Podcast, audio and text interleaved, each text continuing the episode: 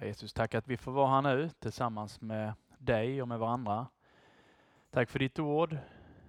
Och vi ber att det ordet som är ande och liv, som är levande, vi ber att det ska få ingång i våra liv, i våra hjärtan, i vårt innersta, att det ska få forma oss och förvandla oss och förändra oss.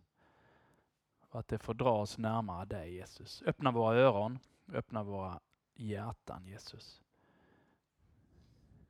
Vi ber för den här stunden, vi ber om någonting från dig till oss var och en. I Jesu namn. Amen. Matteus 18 kapitel. Där är texten hämtad ifrån. Och om ni då kollar lite i kapitel 18, om man börjar från början, så handlar det om himmelriket, skriver Matteus här. Det börjar med vem som är störst i himmelriket. Och Matteus använder alltid ordet himmelrike istället för Guds rike. Men det är samma sak. va? När Matteus nämner himmelriket så handlar det om Guds rike. Och Guds rike är ju där, där Jesus är kung, eller där Jesus är herre, eller där Guds vilja får ske. Så därför är Guds rike egentligen som när Pilatus frågar Jesus, vad är, du säger att du är kung, men vad har du ditt rike? Och så får Jesus säga att mitt rike är liksom inte ett geografiskt synligt rike så, så man kan liksom visa gränserna så här, där går gränsen och där går gränsen. Utan Guds rike finns inom de som tror. De människor som lever som Guds barn är bärare av Guds rike, därför att i de människorna så sker Guds vilja. Och där är Jesus Herre. Eh, och detta kapitlet handlar då om Guds rike. Och då handlar det, som jag sa här i början, om att man kan fundera på vem som är störst i Guds rike. Och då vänder Jesus på det. Att han, eh, han tar fram en litet barn som förebild och säger att det här lilla barnet som ni på något sätt hymlar med ögonen åt, så här lite, suckar lite djupt. Detta barnet är störst i Guds rike. Och det var ju liksom eh, helt på tvärs mot logiken eller förnuften för de som lyssnar på det. Sen säger Jesus att det måste komma förförelser. Är det någon här inne som har förfört någon annan människa?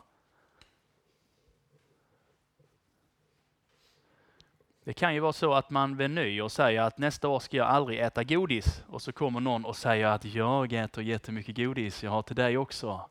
Här kan du få en liten lakritssnöbel till exempel. Och då vill man förföra den människan liksom till att göra någonting som den egentligen inte vill. Va? Jesus menar att det måste komma förförelser därför att denna världen är fallen.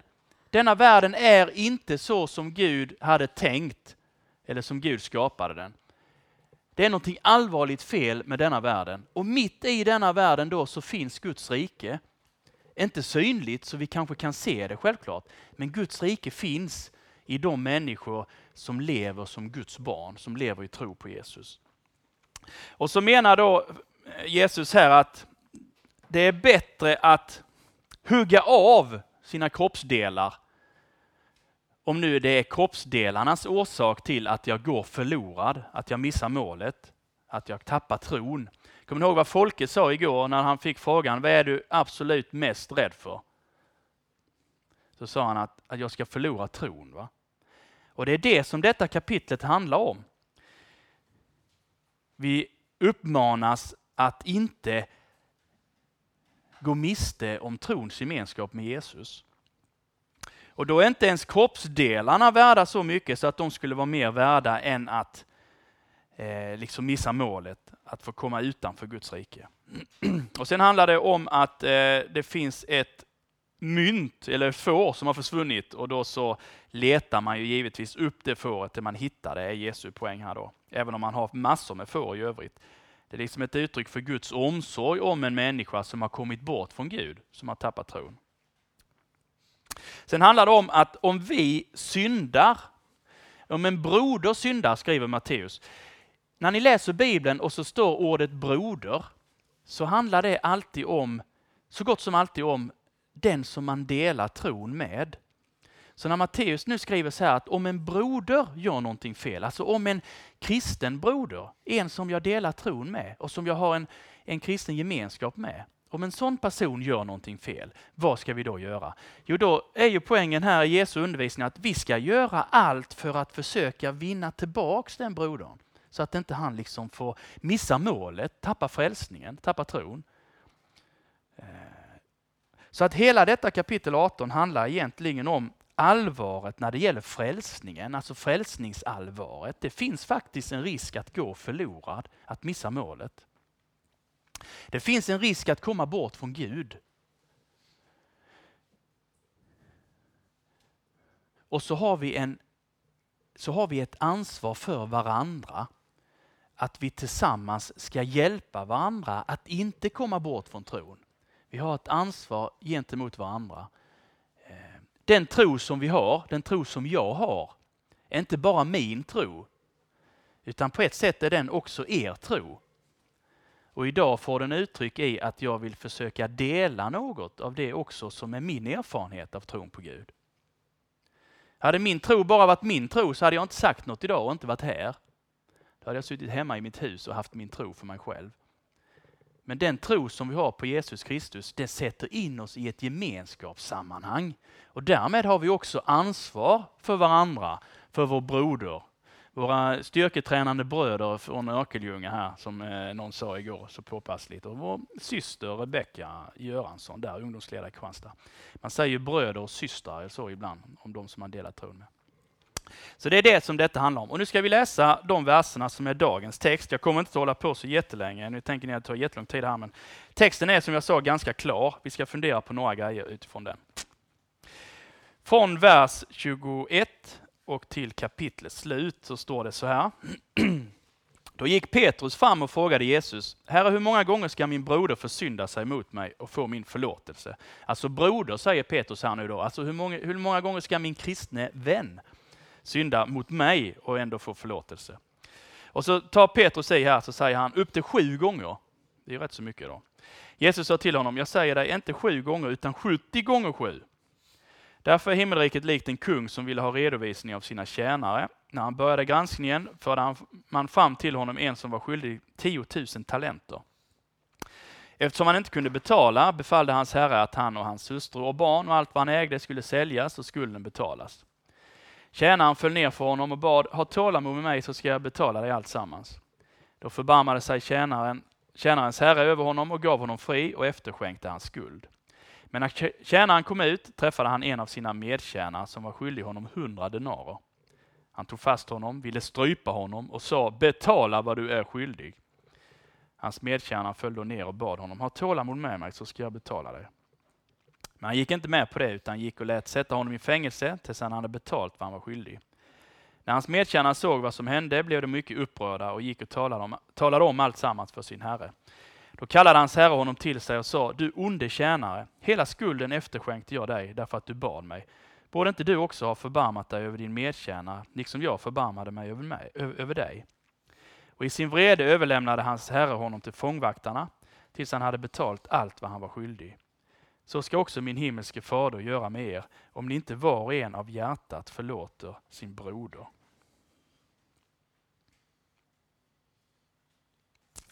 Ja, Petrus han lyfter ju en rätt så bra fråga. Hur, ofta ska, eller hur många gånger ska jag förlåta någon som gör mig ont? Och fundera lite på det. När, när Petrus säger sju gånger, det är ju rätt så mycket. Tänk på någon, kanske någon av er sitter bredvid någon som ni ändå är lite kompis med. Ja, en del ser lite undrande ut där, men man kan vara vänner här i stunden. Och så tänker ni så här, Tänk om den personen som sitter bredvid er gör någonting verkligen eh, obehagligt och ont mot er. Det gör ont på riktigt, alltså sårar er på riktigt, gör er orätt, om man nu tänker så. Och så kommer den personen och säger, jag ångrar mig, kan du förlåta mig? Ja, jag, jag förlåter dig då, en gång va. Och så gör den personen det igen. Och så tänker den, ja men jag förlåter dig så. Och så gör han det igen. Och så förlåter den, och så gör han det igen. Alltså sju gånger är rätt så mycket. Att förlåta någon sju gånger, det är faktiskt rätt så bra. Det är liksom ett gigantiskt tålamod kan man ju tycka så. Och så får vi fundera själva. Hur snabbt drar jag gränsen? Finns det människor som jag, som jag har valt liksom att stöta ifrån mig efter tre gånger? Därför att de har svikit mig tre gånger, det räcker. jag är inte beredd liksom att, att ordna upp det här nu. Tre gånger är liksom två gånger för mycket. Är ni med? Fundera lite på det. Petrus tar i och Jesus tar i ännu mer. Och poängen med Jesus är inte att man kvickt ska räkna ut vad är 7 gånger 70, för det går ju att räkna ut. Så har man en siffra på hur många gånger man, man, man ska förlåta. Va? Poängen med Jesu svar här är att du kan låta bli att räkna Petrus, för det är liksom ointressant. Det är ointressant hur många gånger du är beredd att förlåta någon annan. Därför att i Guds rike, i himmelriket, i Guds rike så räknar man inte. Och poängen är ju utifrån liknelsen sen, jag räknar inte när det gäller dig. Alltså jag håller inte bok och, och liksom eh, så här skriver hur många gånger har jag förlåtit Olle. Och så tänker man, då har man 70 gånger 7, då blir det ju 490, va? då blir det snart det han rökt, för nu är han uppe på 489. Han har bara en chans till sen han rökt. Va? Det går inte till så i Guds rike, utan det är ett helt annat sätt att räkna. Så därför är det ointressant att också räkna i förhållande till vår broder eller vår syster. Så säger Jesus då i liknelsen så här. I Guds rike så är det som när en herre kallar till sig sina tjänare för att göra en granskning. Hur har ni förvaltat det som jag har anförtrott er? Det som ni har fått att förvalta i mitt ställe. Hur, hur har ni hanterat det? Nu är det granskning. Och då så kommer det fram till här att det är en som är skyldig 10 000 talenter. Och då tänker ni, vad är talenter? Jo, talenter är faktiskt ett myntslag, men talenter hade mer med vikt att göra egentligen. En talent vägde 30 kilo. Så man tänkte att man ska köpa glass i glasskassan, jag ska se om jag har en talent i fickan. Alltså, 30 kilo järnklump kom upp alltså. Va? Så kan man köpa glass för rätt så lång tid framöver kan man säga. Därför en talent en talent var, vä var värd 6000 denarer.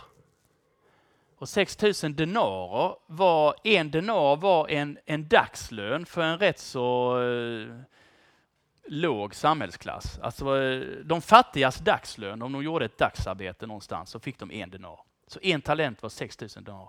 10 000 talenter, det är 6 000 gånger 10 000 va? Dagslöner. Alltså det är ju en siffra som är gigantisk. Poängen med detta är ju när Jesus säger detta att den här herren, den här förvaltaren, tjänaren, han har en så stor skuld till sin herre så att han är helt rökt. Alltså det finns ingen möjlighet, om han hade jobbat i 10 000 liv i princip ju, så kan han ändå inte betala tillbaka den här skulden. Han har lyckats dra på sig en skuld som är helt omöjlig att betala. Och då säger han så här till sin herre, när han säger att då får vi helt enkelt sälja din, din, din familj och så. Va? Och då tycker ni kan man sälja människor. Men det var faktiskt inte, det var faktiskt, eh, funkade så på den tiden. Om jag levde på den här tiden och jag hade jättemycket skulder till David, alltså, hade jag fått säga att då får jag sälja mig till dig då, så får du köpa mig. Så får jag jobba åt dig då i ett antal år framöver. Så, så det var inte så märkvärdigt på det, på det sättet. Men då säger tjänaren, förbarma dig över mig. Att han blir liksom, jag är ju rökt här va. Och då säger ju Herren att jag efterskänker dig alltihopa. Vi drar ett streck över allt här. Den här gigantiska astronomiska summan. Vi bryr oss inte om den. Det får vara så. Va? Jag ger dig den. Och sen kommer den här tjänaren ut och så träffar han en av sina medtjänare, alltså sin broder, någon som står liksom i samma nivå. Så här, va? Och så var han skyldig hundra denarer. Alltså en summa som man kan få ihop på hundra arbetsdagar, den är ju inte omöjlig. 100 arbetsdagar, det är ungefär fem månader. Det skulle man nog ändå kunna lyckas betala om man hade skärpt till sig lite. Va? Vad gör han då? Jo, då så tar han stryptag på den här killen då. Han ville strypa honom och säger betala det som du är skyldig, alltså gör rätt för dig. Du är ju skyldig mig pengar, betala dem nu. Och så säger han likadant då, ha tålamod med mig så ska jag betala dig. Men det var han inte intresserad av att höra. Utan han drar honom med då till, till fängelset och så här. Och då när hans herre får höra detta så blir han ju också väldigt arg. Du fick den här astronomiska fantasisumman efterskänkt. Och så går du ut och så träffar du din broder och så är det några småslantar och så är du beredd att döda honom i princip för att få tillbaka de pengarna. Därför så kommer din skuld att stå kvar, är ju poängen. Alltså därför hamnar du återigen i skuldsituation. Under Guds vrede. Vrede står ju här i näst sista versen. Och i sin vrede överlämnade hans herre honom till fångvaktarna. Vrede i det här sammanhanget är ofta betecknat på Guds dom över synden. Alltså Guds vrede kännetecknar ofta Guds rättfärdiga vrede över det som är ont och står Gud emot. Så här är att vara under Guds vrede är att vara under Guds rättfärdiga rättvisa dom. Så nu hamnar den här personen under Guds dom igen. Och då kan vi fundera lite på här, vilka är vi i den här texten då? Så sa ju Folke igår, vilka är vi i David och Goliat-texten? Och då kanske någon tänkte, jag är inte Goliat och då får jag väl vara David då, tänkte någon. Men så var ju Jesus David. Då tänkte man, oh, det var kanske lite hybris av mig då. Sen blev vi ju soldaterna som stod runt omkring och så allmänt handlingsförlamade ut. Ju. Vilka är vi i den här texten då? Det kan ju inte vara Herren som äger allting. va? Det verkar det inte vara. Vi har inte massa förvaltare åt oss här. va? Och sen har vi då den som är skyldig jättemycket och den som är skyldig jättelite. Men den som är skyldig jättemycket är ju inte så bra, så det är bättre att vara den som är skyldig lite lite där. Samtidigt så är det ju den som är skyldig mycket som vi är. Alltså du och jag är ju den som är skyldig helt gigantisk summa. Och så tänker vi kanske så här, ja men vi går inte ut och tar stryptag på någon annan. Nej, vi kanske tar kanske inte stryptag, men vi kanske beter oss likadant. Fundera lite på det. Som jag sa i början, va? var drar vi gränsen för när vi tröttnar på någon som inte får vara med längre? I den gemenskap som jag är med i. Är det när man har gjort bort sig tre gånger? Eller fyra gånger? Eller till och med sju gånger som Petrus säger. Men sen är det stopp. Åttonde gången så är det verkligen nej. Då får en personen se till att skaffa andra vänner. Hur hanterar vi situationer när människor sårar oss? För poängen i denna berättelsen är ju också att de som har gjort någonting ont mot oss ska vi som kristna aktivt försonas med. Alltså poängen i den här texten är ju att det är inte bara så att om jag har gjort någonting dumt mot någon annan så ska jag be om förlåtelse. Utan poängen är ju också att om någon har gjort mig något dumt, Petrus börjar ju med det, om någon gör mig någonting ska jag förlåta den personen sju gånger. Alltså det här är ju mycket värre på ett sätt. Och där har vi kanske olika i livet just nu. Kanske är det någon här inne som verkligen har, det tror jag det är, personer i sin omgivning som man är ovän med kanske. Eller som man definitivt inte gillar och har stängt dörren för därför att nu har den här personen svikit förtroende för många gånger. Hur många gånger ska jag förlåta de människor som jag har i min omgivning när de gör någonting dumt mot mig? Det är ju det frågan gäller idag till oss. Och då är Jesu undervisning utifrån hela kapitel 18 så är undervisningen egentligen se till så att du inte förlorar tron och går förlorad genom att du lever på ett sätt som gör att du skiljer dig från Gud. Vilket innebär, som vi ber i Herrens bön varje söndag, kanske på gudstjänst, förlåt oss våra skulder så som och vi förlåta dem oss skyldiga äro. Alltså vi tar emot din förlåtelse Jesus och vi tackar och tar emot den. Och vi gör likadant i det livet som vi lever i förhållande till mina vänner eller de som jag har runt omkring mig. Mina bröder och systrar som jag delar tron med. Även de andra som inte gör det. Du har förlåtit mig och jag är beredd att förlåta de som jag har runt omkring mig. Och då, om man har någorlunda förstånd och vett och förnuft i huvudet så inser man att det här är inte lätt. Och man inser också att jag är faktiskt en del av detta. Hur ser jag på de människor som jag har runt omkring mig? Och hur förhåller jag mig till dem? Ger jag dem så mycket chanser och tänker att jag är väldigt generös och god? Eller ger jag dem så många chanser och tänker att jag är överdrivet god och generös? Fundera lite på hur ni förhåller er till de människor som ni har runt omkring er. Fundera lite på hur ni hantera när någon sårar er eller sviker er. nu får den personen minsann och då ordna upp det här, för det var den personen som gjorde det. Det är ju ett naturligt sätt att tänka. va? Men ett kristet sätt att tänka är, den personen gjorde detta och det drabbade mig och det gjorde ont på riktigt. Nu måste jag, som Guds barn, nu måste jag också aktivt försöka försonas med den människan. Är ni med på den tanken? För sen är också tyvärr är det så att förlåtelsen är också villkorad. På det sättet att ja, vi får ta emot förlåtelsen från Gud. Vi får leva i den varje dag. Men vår kallelse och vår uppgift är att vi också ska gestalta den förlåtelsen i våra relationer. Om vi inte är beredda att förlåta vår broder eller syster, om vi stänger oss för det, så kommer också förlåtelsen från Gud att tryta om man inte bekänner det som synd och ber om hjälp att ändra sinnet och attityden och handlingarna. Så är det faktiskt. Så den här liknelsen om den obarmhärtige tjänaren handlar om att förlåt din broder så att du inte själv går miste om förlåtelsen. Så att du inte själv stänger dig för förlåtelsen. I en av episteltexterna idag så står det så här att bedröva inte Guds heliga ande. Är det någon som vet vad det innebär? Att bedröva den helige ande. En människa kan bedröva den helige ande.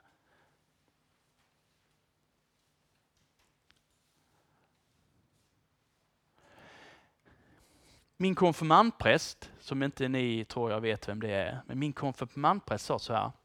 Det finns ett sätt att bedröva den helige ande på. Det är att när man är på ett läger så kan man välja att sova så lite på natten så att man är så trött på dagen när det är undervisning så man blir helt stängd för det som har med Gud och Guds rike att göra. Nu tänker någon, oh, tänker han på mig? Nej, jag tänker på vad min präst sa när jag konfirmerade mig. Och jag har aldrig glömt det. Jag var uppe på nätterna med ibland. Men jag märkte att jag blev så fruktansvärt trött på dagen. Det var ju väldigt mycket svårare att lyssna på dagen när man var trött än när man är pigg. Men det var ett sätt att bedröva den helige ande menar han därför att den helige ande är här när vi samlas omkring Guds ord och den helige andes uppgift är att få oss att upptäcka Jesus att komma till tro på Jesus och att fortsätta leva i den tron. Den helige Ande vill rikta vår blick på Jesus och hjälpa oss att tro på honom och följa honom som lärjungar. Och då behöver man vara närvarande och pigg, det är faktiskt en hjälp. Men om den helige Ande försöker, men vi sitter och sover, då funkar det inte. va? Och när det gäller, det var inte det jag tänkte säga egentligen, men det jag, i den här berättelsen, att bedröva den helige Ande är, är, är kanske så här, det jag har pratat om nu, så är det kanske några här inne som tänker på en konkret människa som man inte lever i frid med. Som man inte har det grönt med. va? Och så kanske man väljer att slå ifrån det därför man tänker att ah, det, det skit i det, det får bli som det blev. Eller det, är ju, det kan jag ju inte göra något åt nu, eller det är för jobbigt. va? Är ni med? Den helige Ande försöker påminna kanske en del av er om någon riktigt verklig levande människa som ni inte lever i frid med som ni ska ordna upp, som ni ska försonas med. Vilket är jobbigt. Men det är liksom Guds väg. Förlåtelsen och försoningens väg. Den helige Ande vill mana dig till det. Och den helige Ande vill hjälpa dig i det. Då kan man välja att stänga sig för det. Nej, jag är inte beredd att göra det. Nej, då bedrövar man Guds ande. Då blir Guds ande liksom frustrerad, bedrövad därför att då får den ta ett steg tillbaks. Va? Därför att då får den liksom ingen, ingen ingång, ingen möjlighet att leda eller påverka.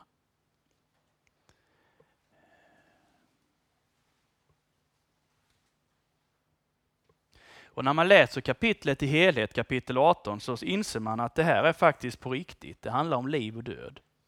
Och det handlar inte bara om liv och död som vi tänker, kroppslig liv och död, utan det handlar ju om i perspektivet också, alltså evighetsperspektivet. Se till att du inte går miste om frälsningen. Se till att du inte missar målet. Sen är ju dagens tema förlåtelse utan gräns och det är det som är motiveringen till att förlåta. Vi är föremål för Guds förlåtelse som inte har någon gräns. Jag hade en gymnasieklass i, i lite om kristendom för ett antal år sedan. Det blev ett hemska liv i klassen där därför att egentligen så insåg de ju liksom att kristen tro menar på fullaste allvar att även Adolf Hitler hade kunnat få förlåtelse. Och det var ju oerhört provocerande. Det går inte att tro på en religion som menar att det finns förlåtelse för Adolf Hitler som gjorde så mycket ont. Va? Och jag kan ju förstå den reaktionen. För när man läser om Adolf Hitler så inser man liksom att han var ju inte så jättefin. Milt uttryckt. Men det finns verkligen förlåtelse för honom också därför att det finns en annan som har fått bära varenda enskild synd som Adolf hann göra i hela sitt liv. Varenda ond tanke, varenda ond gärning och beslut som Hitler tog, varenda synd i hans liv har Jesus burit i sin kropp upp på korsets träva när han försonade världen med sig själv. När han fick ta konsekvensen av Hitlers alla synder i hela hans liv.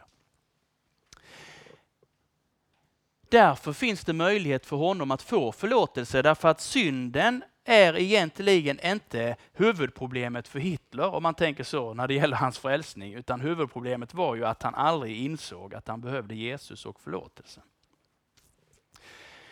Huvudproblemet för oss är inte synden egentligen därför att synden är sonad. Sitter du här inne som är bekymrad över din synd och kämpar med din synd så är det ett gott tecken därför att det är ett tecken på att den helige Ande är aktiv i ditt liv. En av tecknarna på det, det finns många fler tecken på de grejerna. Men att synden är ett problem, det är ett sunt kristet sätt att, att vara. Men synden är inte hindret för dig inför Gud, därför att det har Gud tagit.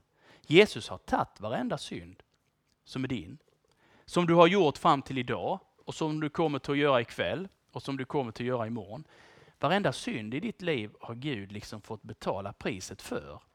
Vilket gör att han kan möta dig med förlåtelse utan gräns. Det finns liksom ingen gräns för Guds förlåtelse i ditt liv därför att Gud har burit alla dina synder som du kommer till att vara med om, om man nu tänker så, resten av ditt liv trumvirvel på den. Det var inte så dumt.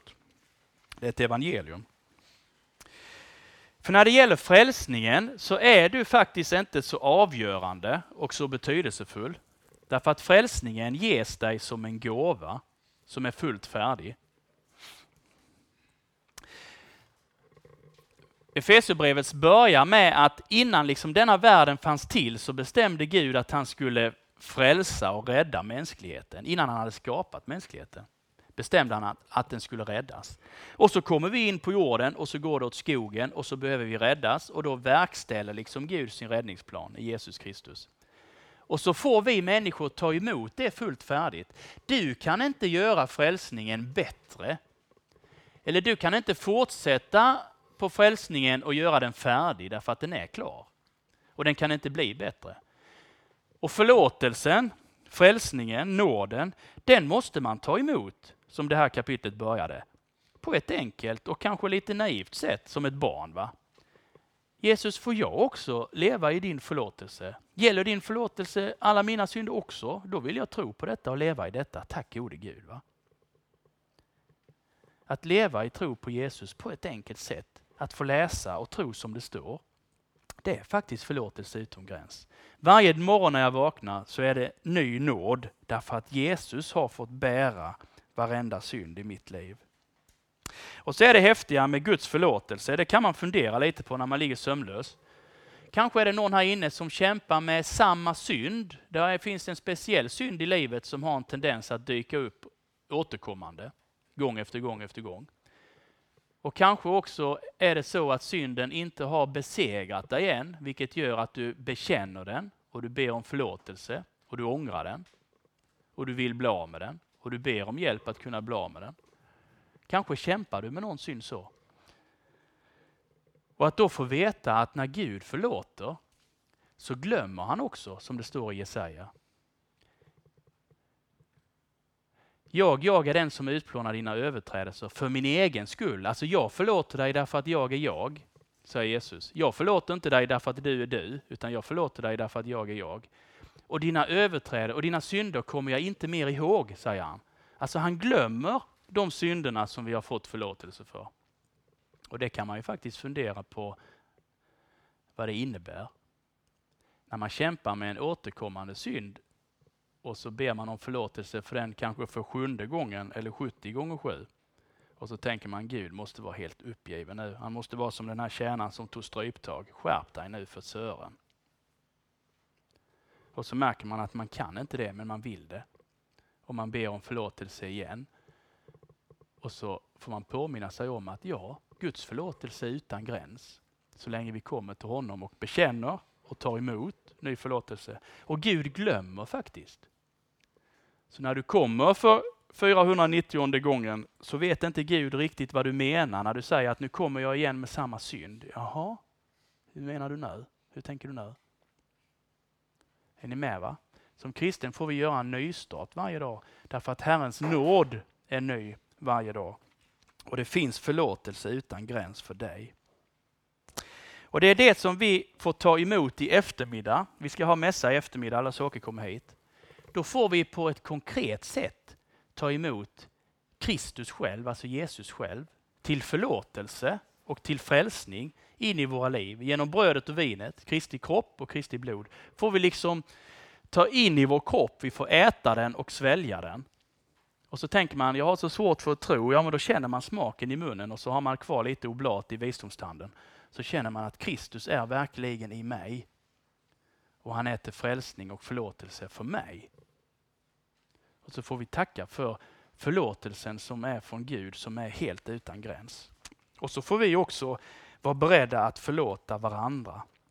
Vi påminns jätteofta om att ha tålamod med varandra.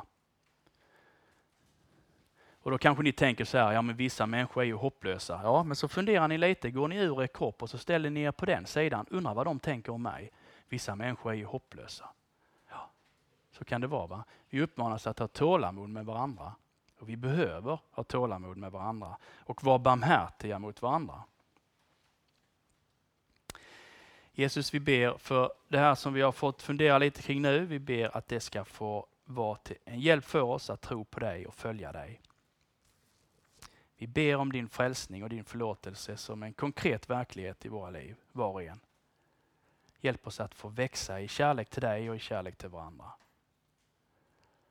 Så ber vi för resten av den här dagen också. Vi ber för eftermiddagen, för mässan Jesus. Slut du oss in i din kärleksfulla famn. Och ge oss en glädje och tacksamhet över att vi får lov att vara dina, också idag. I Jesu namn. Amen.